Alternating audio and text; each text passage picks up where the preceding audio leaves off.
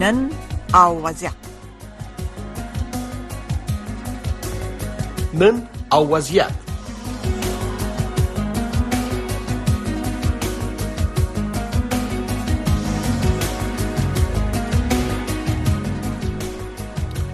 د امریکا غږ اشنا رادیو قدرمنو اوریدونکو السلام علیکم هیله ده چې ټول روغ جوړ او خوشاله اوسئ په همدې هیله پیل کوو د نن او وضعیت په خبرونه ډیرو قدرمنو دوستانو لکه څنګه چې تاسو هم په جریان کې یاست او د افغانستان د کرکټ ملي ټیم تعقیبوي په تیر 2000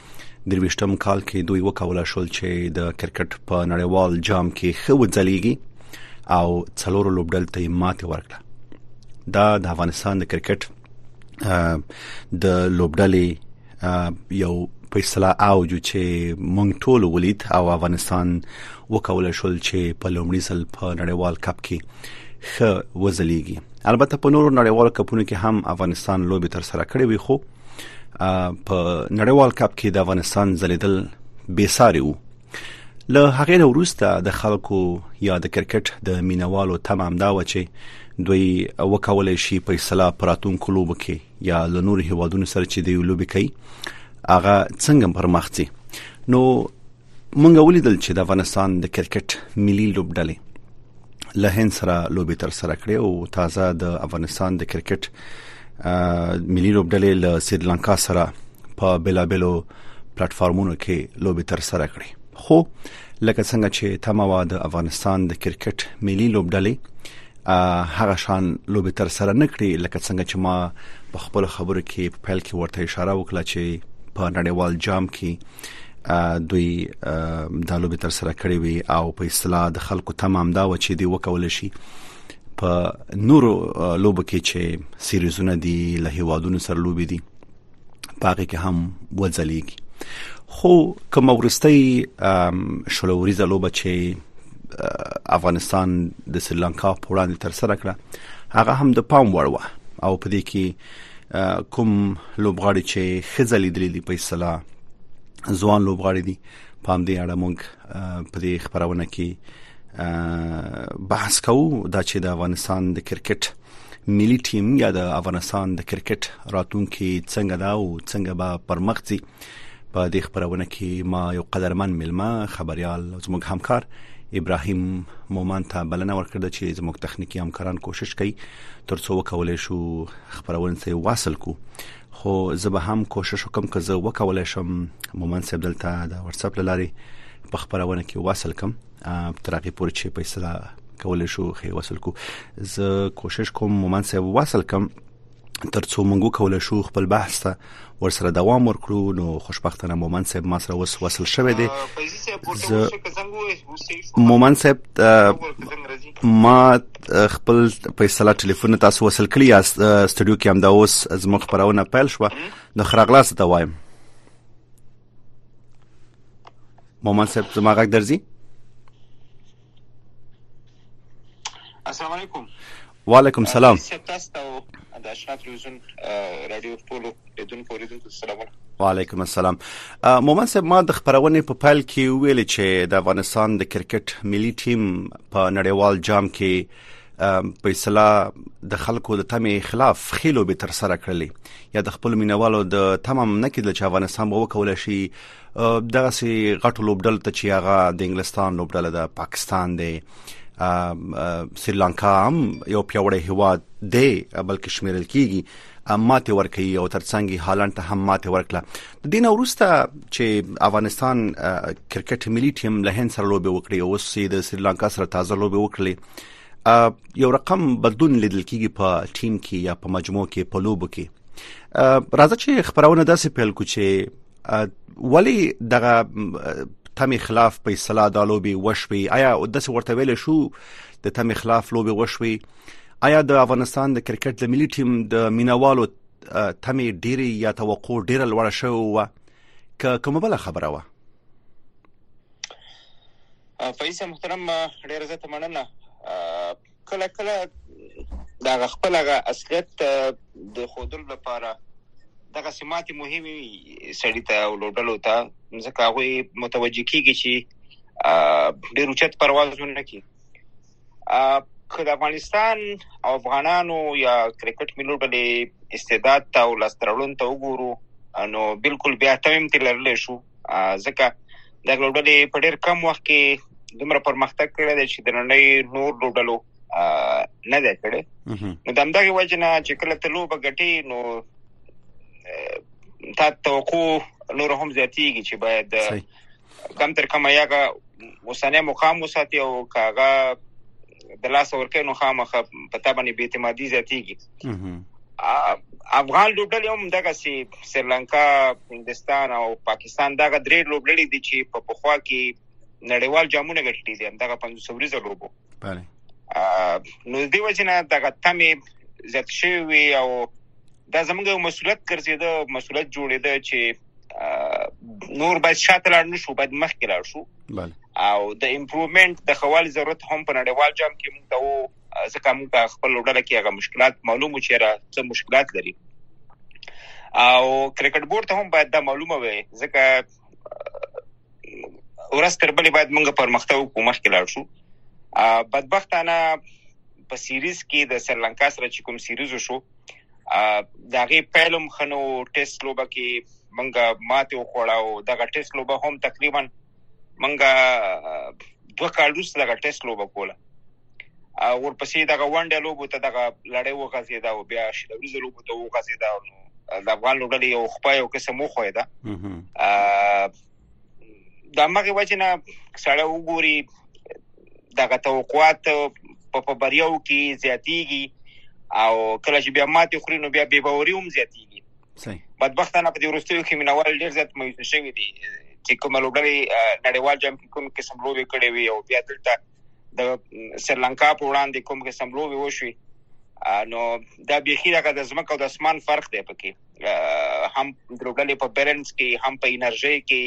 هم په جذبه کې هم د لوبغاړو په انتخاب کې دا غسې دي چې یو وړخت افغان لوبډله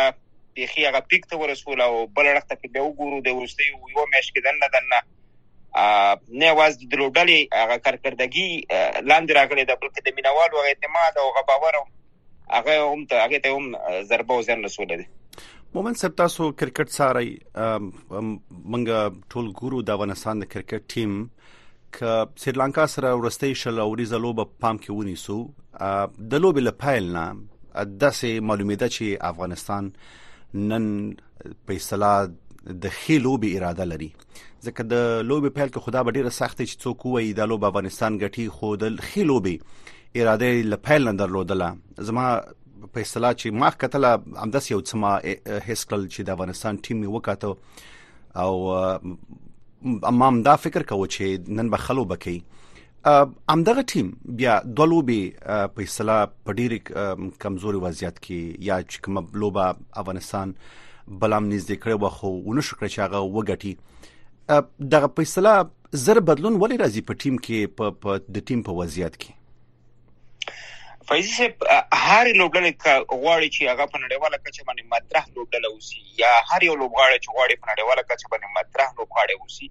هغه باید په خپل لوبو کې هغه کنسستنسي یا تداوم باید ولري که بد ورځ وي هر څه ته معلومه چې د لوبغاړي بد ورځ دي د لوبډلې بد ورځ دي باید هغه سړی وزغمي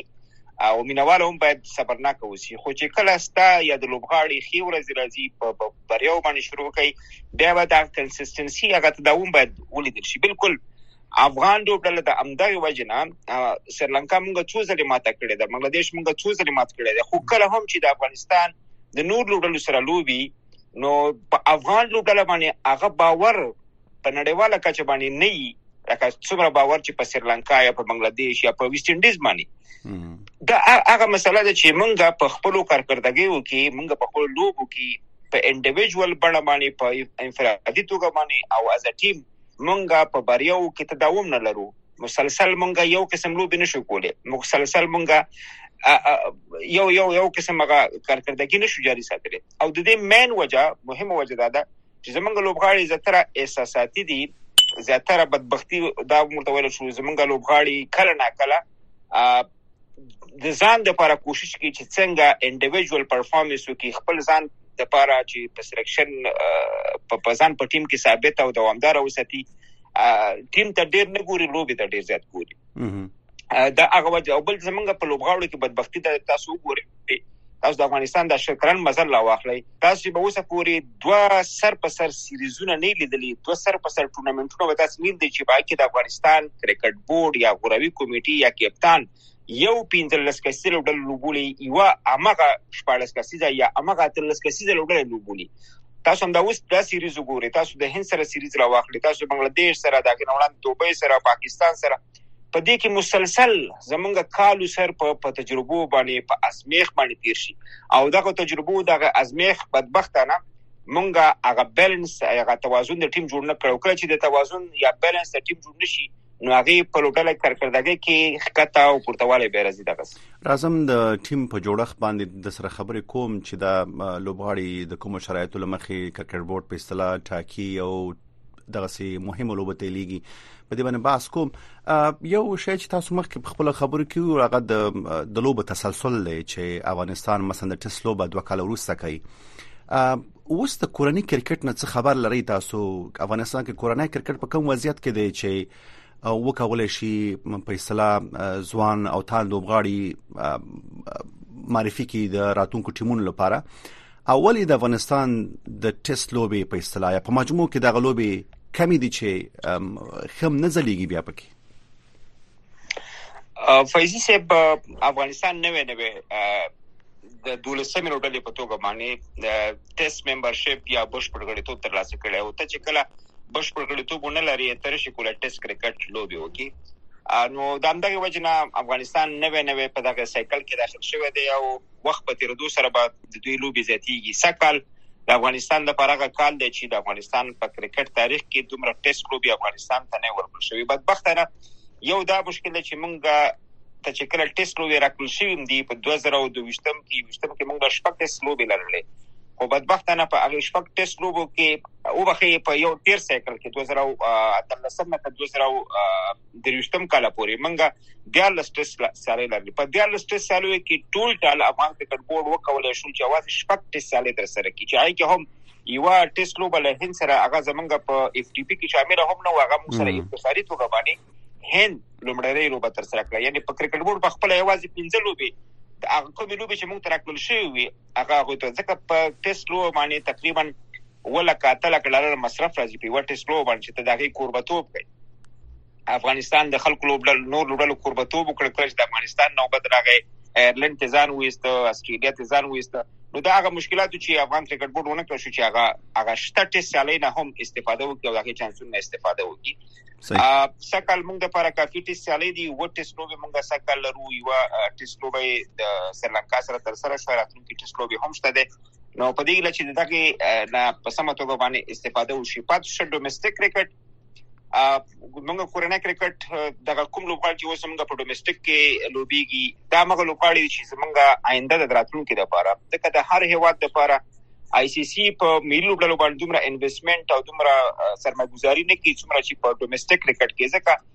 د هر هیواد ملي لوبډله د هغه د ډومېسټک نه جوړیږي د هغه د کورني کرکټ نه جوړیږي بدبختانه د افغانستان کرکټ بورډ دغه برخه ته ډیره توجه نه کړې زموږ زیاتره لوبغاړي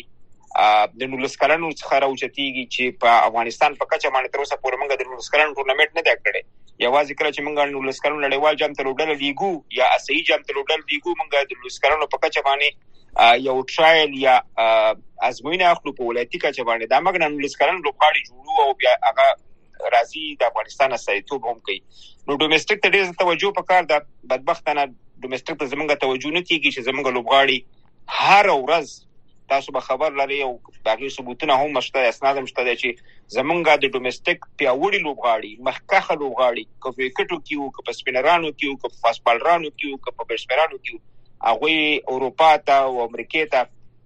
په ډیره غټه پیمانه باندې روان دي او وجه دا چې موږ ډومېسټک کرکټ ته هغه توجه نکو چې کوم موږ ملي لوبډلې ته کو مومن صاحب دا خو ډیره د اندېښنې وړ خبره ده چې د افغانستان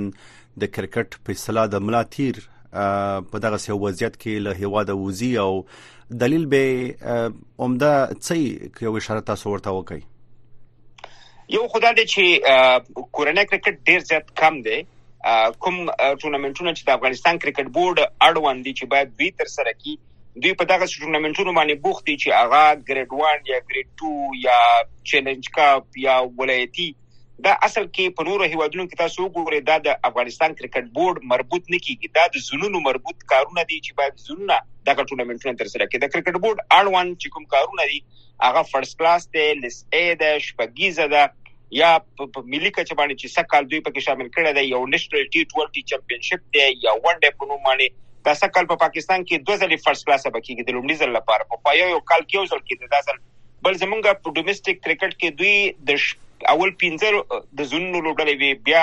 2018 کې دغه لوبډلې شپږو ته ورسېدې اوس د اوسنۍ ادارې د زونو لوبډلې شپږو څخه څلورو ته راښکته کړي یعنی کرکټ په داسې حال کې زموږ بودیجه هم زیاته شوې ده زموږ لوبغاړي هم زیات شوي دي زموږ ډیماند یا نړیوال کرکټ کې زموږ چې کوم ضرورت چې باید موږ الف لوبډله ولرو ایمرجنګ ولرو تذکرنه ولرو ملي لوبډله ولرو دا لوبغاړي هم ورستر بلې په زیاتېدو دي خو زموږ کرکټ بیا کمیږي نو د دې وجنه چې کله لوبغاړي په ډومېسټک کرکټ کې لوبي ونه لري دوی عاید ونه لري دوی مجبور دي چې یا دا کومې خبرې چې مخکې وکړي چې په سلیکشن کې ناانصافي ګوري کوم معیار شتون نه لري چې په کوم معیار لوبغاړي ټیم لراتنې شي نو د دې وجنه دوی مایوس کیږي او وطن پریدي او تاسو داغه د پر کافي مثالونه درکول شم چې موږ زیاتره مخکخ لوبغاړي د سیادي لوبغاړي نه مخکښ لوبغاړي چې په ډومېسټک کې هغه کلونه کلونه کارکردګي کړې دي هغه اوس له افغانستان څخه بهر اوسېږي مومن صاحب تاسو د غوراوي یا د ټیم د سلیکشن خبره وکړه یو څه وخت مخکې یا یو څو ورځې مخکې د افغانستان د کرکټ بورډ د غوراوي د کمیټې مخکنی مشر اسد الله خان په خپل فیسبوک پاڼه باندې لیکلی و چې کوم شلوریز ټیم د غوړه کړی نه دی دا خبره څومره جدي ده او د دې اشاره کوم ټیم ته و بالکل دو پاړه باندې خو په ښکارا توګه باندې دوی دا څه خبره اوسه پر رسمي توګه باندې نه دا کړي خو دا چې دا کوم موقف کې اسد الله خان صاحب شتون درلوده دغه موقف ته په کتو باندې دا خبره باید ډیره جدي ونیول شي ځکه هم کوڅه هم اوس په صلاحیت نه لري اوس خو وظیفه پریخه ده دنده پریخه ده خو بالکل دا غڅ دي چې دې باندې موږ تاسو رسنۍ چې کوم دي خبر اعلان چې دی یا کرکټ بورډ چې بخپل دی دا ډیر ژور تحقیقات ضرورت لري د دوی اشاره سل په سلو کې د شلوري زلو ډلې تاو چې د د پاړه ویل کیږي چې دا اوس چې په سریلانکا سره لوبي وکړم دغه یوازې دا نه په خپل چې دا کوم شلوري زلو ډله چې دا چې راشد خان او یا ابراهيم زدراني اوس وخت کې کپتانی په غاړه لري راشد پرشتون کې د دوی په اړه داسې ول کېږي چې دوی همیش چې کله دوی اعلان کړي نه یوازې دوی اعلان کړي دي لوډره د راشد لخوا یا لوډره د ابراهيم لخوا جوړه شوې ده او دوی باندې اعلان شوې ده یوازې نو د کله چې د دوی صلاحيت او مسولیت دوی دا خبره نه ده کړې خو کله چې د دندې خلل شو دوی به دا خبره وکړه که څه هم هغه تاثیر کمیږي نه خو هغه تاثیر چې په دنده کې د خبرې لارو هغه خی هغه ونه لري اوس وخت ځکه هغه اوس به صلاحیت کس دی په حال خو دا هغه څه دي چې اندېښنه ده او باید د دې هغه اصلي جلد ته ورسیږي چې ایا یو کپتان کولی شي دومره صلاحیت لري چې هغه مکمل کرکټ بورډ چیلنج کی سلیکشن کمیټه چیلنج کی په داسې حال کې چې راشد په خپل په افغانستان کې شتون نه لري په افغانستان کې نه لوبيږي د افغانستان د لوبغاړو نه په دې وروستیو سره 15 کلونو کې هغه مره با خبره نه ده کدوې کوم ډومېسټک لوبغاړي ورپیژني او غي نه مني دا بالکل یو علمي ده یو یو اندېښنه خبره ده دغه ټیم چې وس سریلانکا سره لوبي وکړلې په دې کې ځوان لوبغاړی ک یو تند مثال په توګه باندې ونه موغه اسحاق ته چې پرون په اصطلاح د لوبې په اخر کې راووته خو ډیر جالب دوه شاټ هم وکړه او ډیر په اصطلاح وه څول شو د یادولو وړ چې پرونه لمړنۍ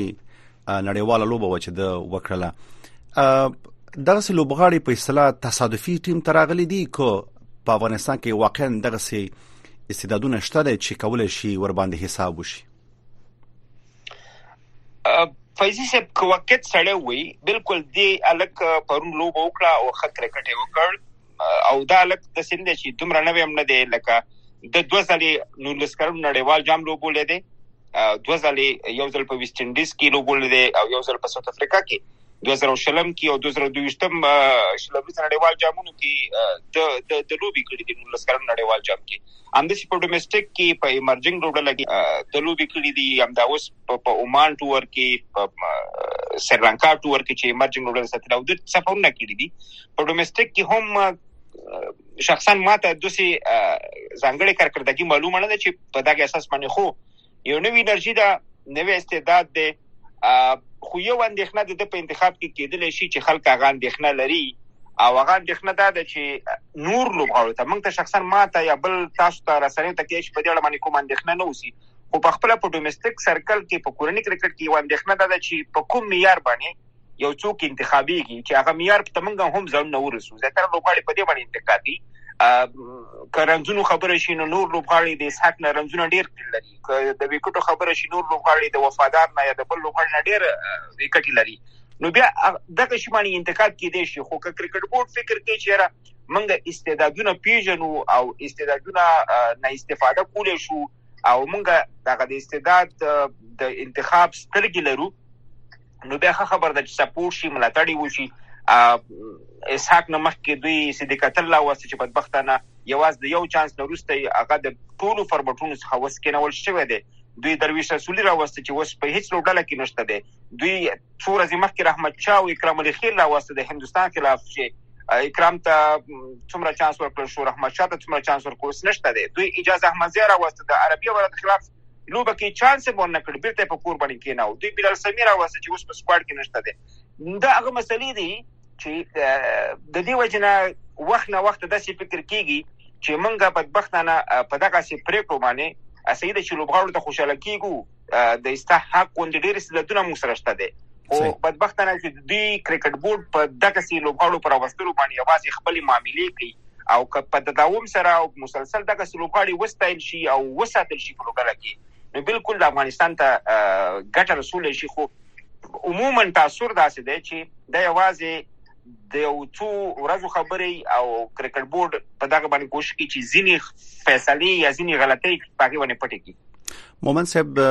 اوس د افغانستان د کرکټ مینوال هم په اصطلاح په هي زیات لوړه شوې ده او د افغانستان کرکټ ورځ تر ورځې دی او تعقیبي ور باندې خبرې کوي تفسیرې کوي دا یو ښه خبر دی د افغانستان د کرکټ لپاره چې د افغانستان د کرکټ ملي ټیم یا په مجموع کې کرکټ مینوال زیات شي یا دغه سي مینوال ولري زما پښتنه دا و چې د دغه سي لوبغاړو په اصطلاح د خې ځای کولو لپاره په ټیم کې او ورته چانس ورکول لپاره څه لازم دي ځکه یو نیو کدار چې په ټیم کې په اصطلاح زیاته پانګونه په ډیرو پخوانیو لوبغاړو باندې کیږي چې لازمه ده باید په نوي لوبغاړو باندې په اصطلاح پانګونه وشي او ورته وخت ورکړ شي فیضی صاحب دا د مینوالو د سوشل میډیا یا د رسنیو زور بالکل دا مثبت رول هم لري او منفي هم لري مثبت په دې لري چې دا خلک خپل قومیان نه غواړي دا خلک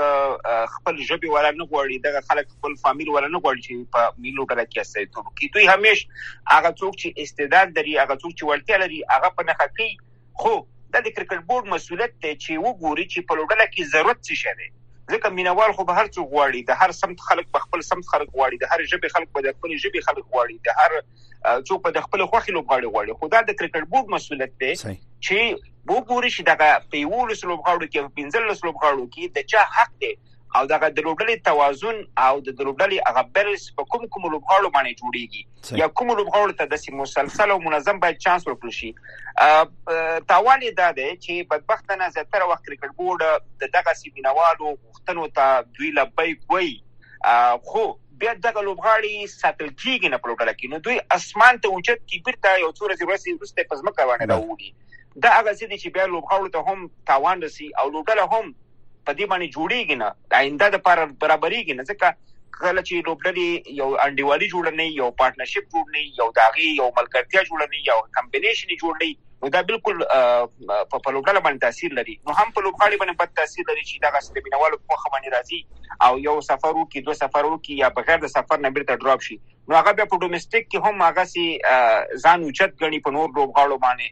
او هغه سي کارکردګي نه کوي کوشش نه کوي چې هغه معیار پوره کړي نو کرکټ بورډ ته پکار ده چې صحیح ده چې د مینوالو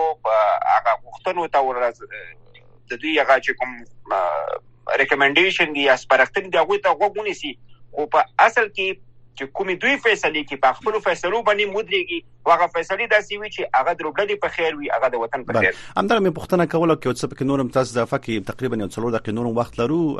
باس په کې دوه درې پښتنه نورې ما سره پاتې دي چې د نور نړیوال ټیمونو په وړاندې د افغانستان د ټیم د جوړښت جوړول لپاره یا په اصطلاح د ټیم ټاکل لپاره د افغانستان کرکټ بورډ مشخصا کوم کار باید وکړي فیضی صاحب زموږ تاسو دغه کرکټ دومره غټ کرکټ نه دی همدا اوس په ولایتي لوبډلو کې د انتخاب معیار معلوم نه دی په کرکټ بورډ کې څو نفر ناست دي د فاریاب ټیم دوی جوړي د میمنې ټیم دوی جوړي د جوزجان او د ورزګان ټیم دوی جوړي په داسې حال کې چې دوی هیڅ هغه ولایتونو ته تلل نه دي خپل ولایتي مسولینو ته باید ځکه کرکټ بورډ په هر ولایت کې نماینده لري په هر زون کې نماینده لري باید دوی ته د یو کال له دوه کلونو کانټراکټ ورکړي او د دوی نه مسؤلیت وغواړي چې کوم زون نه د کوم ولایت نه څرنګه لوبغاړي موږ ډومېسټک کرکټ ته راځي او دوی بیا همدغسې بر راځي ایج لوبډلو ته نولس کلنو ته شپاړس کلنو ته همدغسې الف لوبډلو ته او ایمرجنګ لوبډلو ته او دغه سیمې لوبډل ته لار پیدا کړي زمونږ د زیاتره لوبغاړو اندېښنه او نیوکه هم دا ده چې کرکټ بورډ د مونږ ته هغه معیار وخی چې په کوم معیار باندې یو لوبغاړی ولایتي ټیم ته راځي په کوم لوب معیار باندې یو لوبغاړی د زون ټیم لراځي او په کوم معیار باندې یو لوبغاړی هم د سپاره تر ملي وړاندې پوره سیږي دا غسې دي چې تر اوسه پورې د سره سره نه هم ورک دي او په خپل کرکټ بورډ هم په دې اړه باندې نه په عمل کې او نه هم ولستر وخانه کې چې د همدغه وجنه زموږ زیاتره لوبغاړي همیش په سوشل میډیا کې یا په د خپل مینوالو په ترو باندې یا درسنیو په ترو باندې هغه خپل هغه اندېښنې خي او ان ډېرې مجبوري کې چې ما مخکې نمونه یاد کړو چې وطن یې پرې خدای او زی نو کله چې یو صفه یو تګلار موجوده وي دوی دغه تګلار لوبغاړو ته معلومه کی هم په ولایتي کچه باندې هم د زون په کچه هم په ملي کچه باندې او هر یو لوبغاړی چې هغه کرایټیریا هغه معیار ټچ کوي هغه ته ځان رسی هغه باید اتومات توګه باندې هغه د بیلا بیل لوبډلو چې کرکټ بورډ لري او داغه نمائندګي کوي د افغانستان هغه ته معرفي شي او د افغانستان استازیتوب وکړي دا ډیره سیمپل اسانه طریقه ده چې دغه هر څه باید لوبغاړو ته معلوم وسی چې په کوم اساس باندې یو لوبغاړی لوبډلو ته راتلی شي مومن صاحب یو بل پوښتنه به چې تاسو نه کومه د افغانستان د کرکټ دراتونکو لوبو پاړه دي چې کوز منګه اوریدونکو سره خپل معلومات شریک کړئ چې راتونکو لوبي چا سره او کله دي راتلونکي لوبې خو فیضي صاحب موږ ایرلند سره فول سیریز لرو هغه کې په ټیسټ باندې شروع کیږي راتلونکي هفته به ټیسټ میچ له ایرلند سره په عربي اماراتو کې ورپسې پنځوس ورځې درې لوبې دي ورپسې شل ورځې لوبې دي او بیا راتلونکو یو میاشت او لس ورځو په په درشل کې مونږه نړیوال جام ته ځو په ویسټ انډیز کې زموږ ټول لوبي په ویسټ انډیز نړیوال جام کې به شل ورځې نړیوال جام کې ولوبي چې دا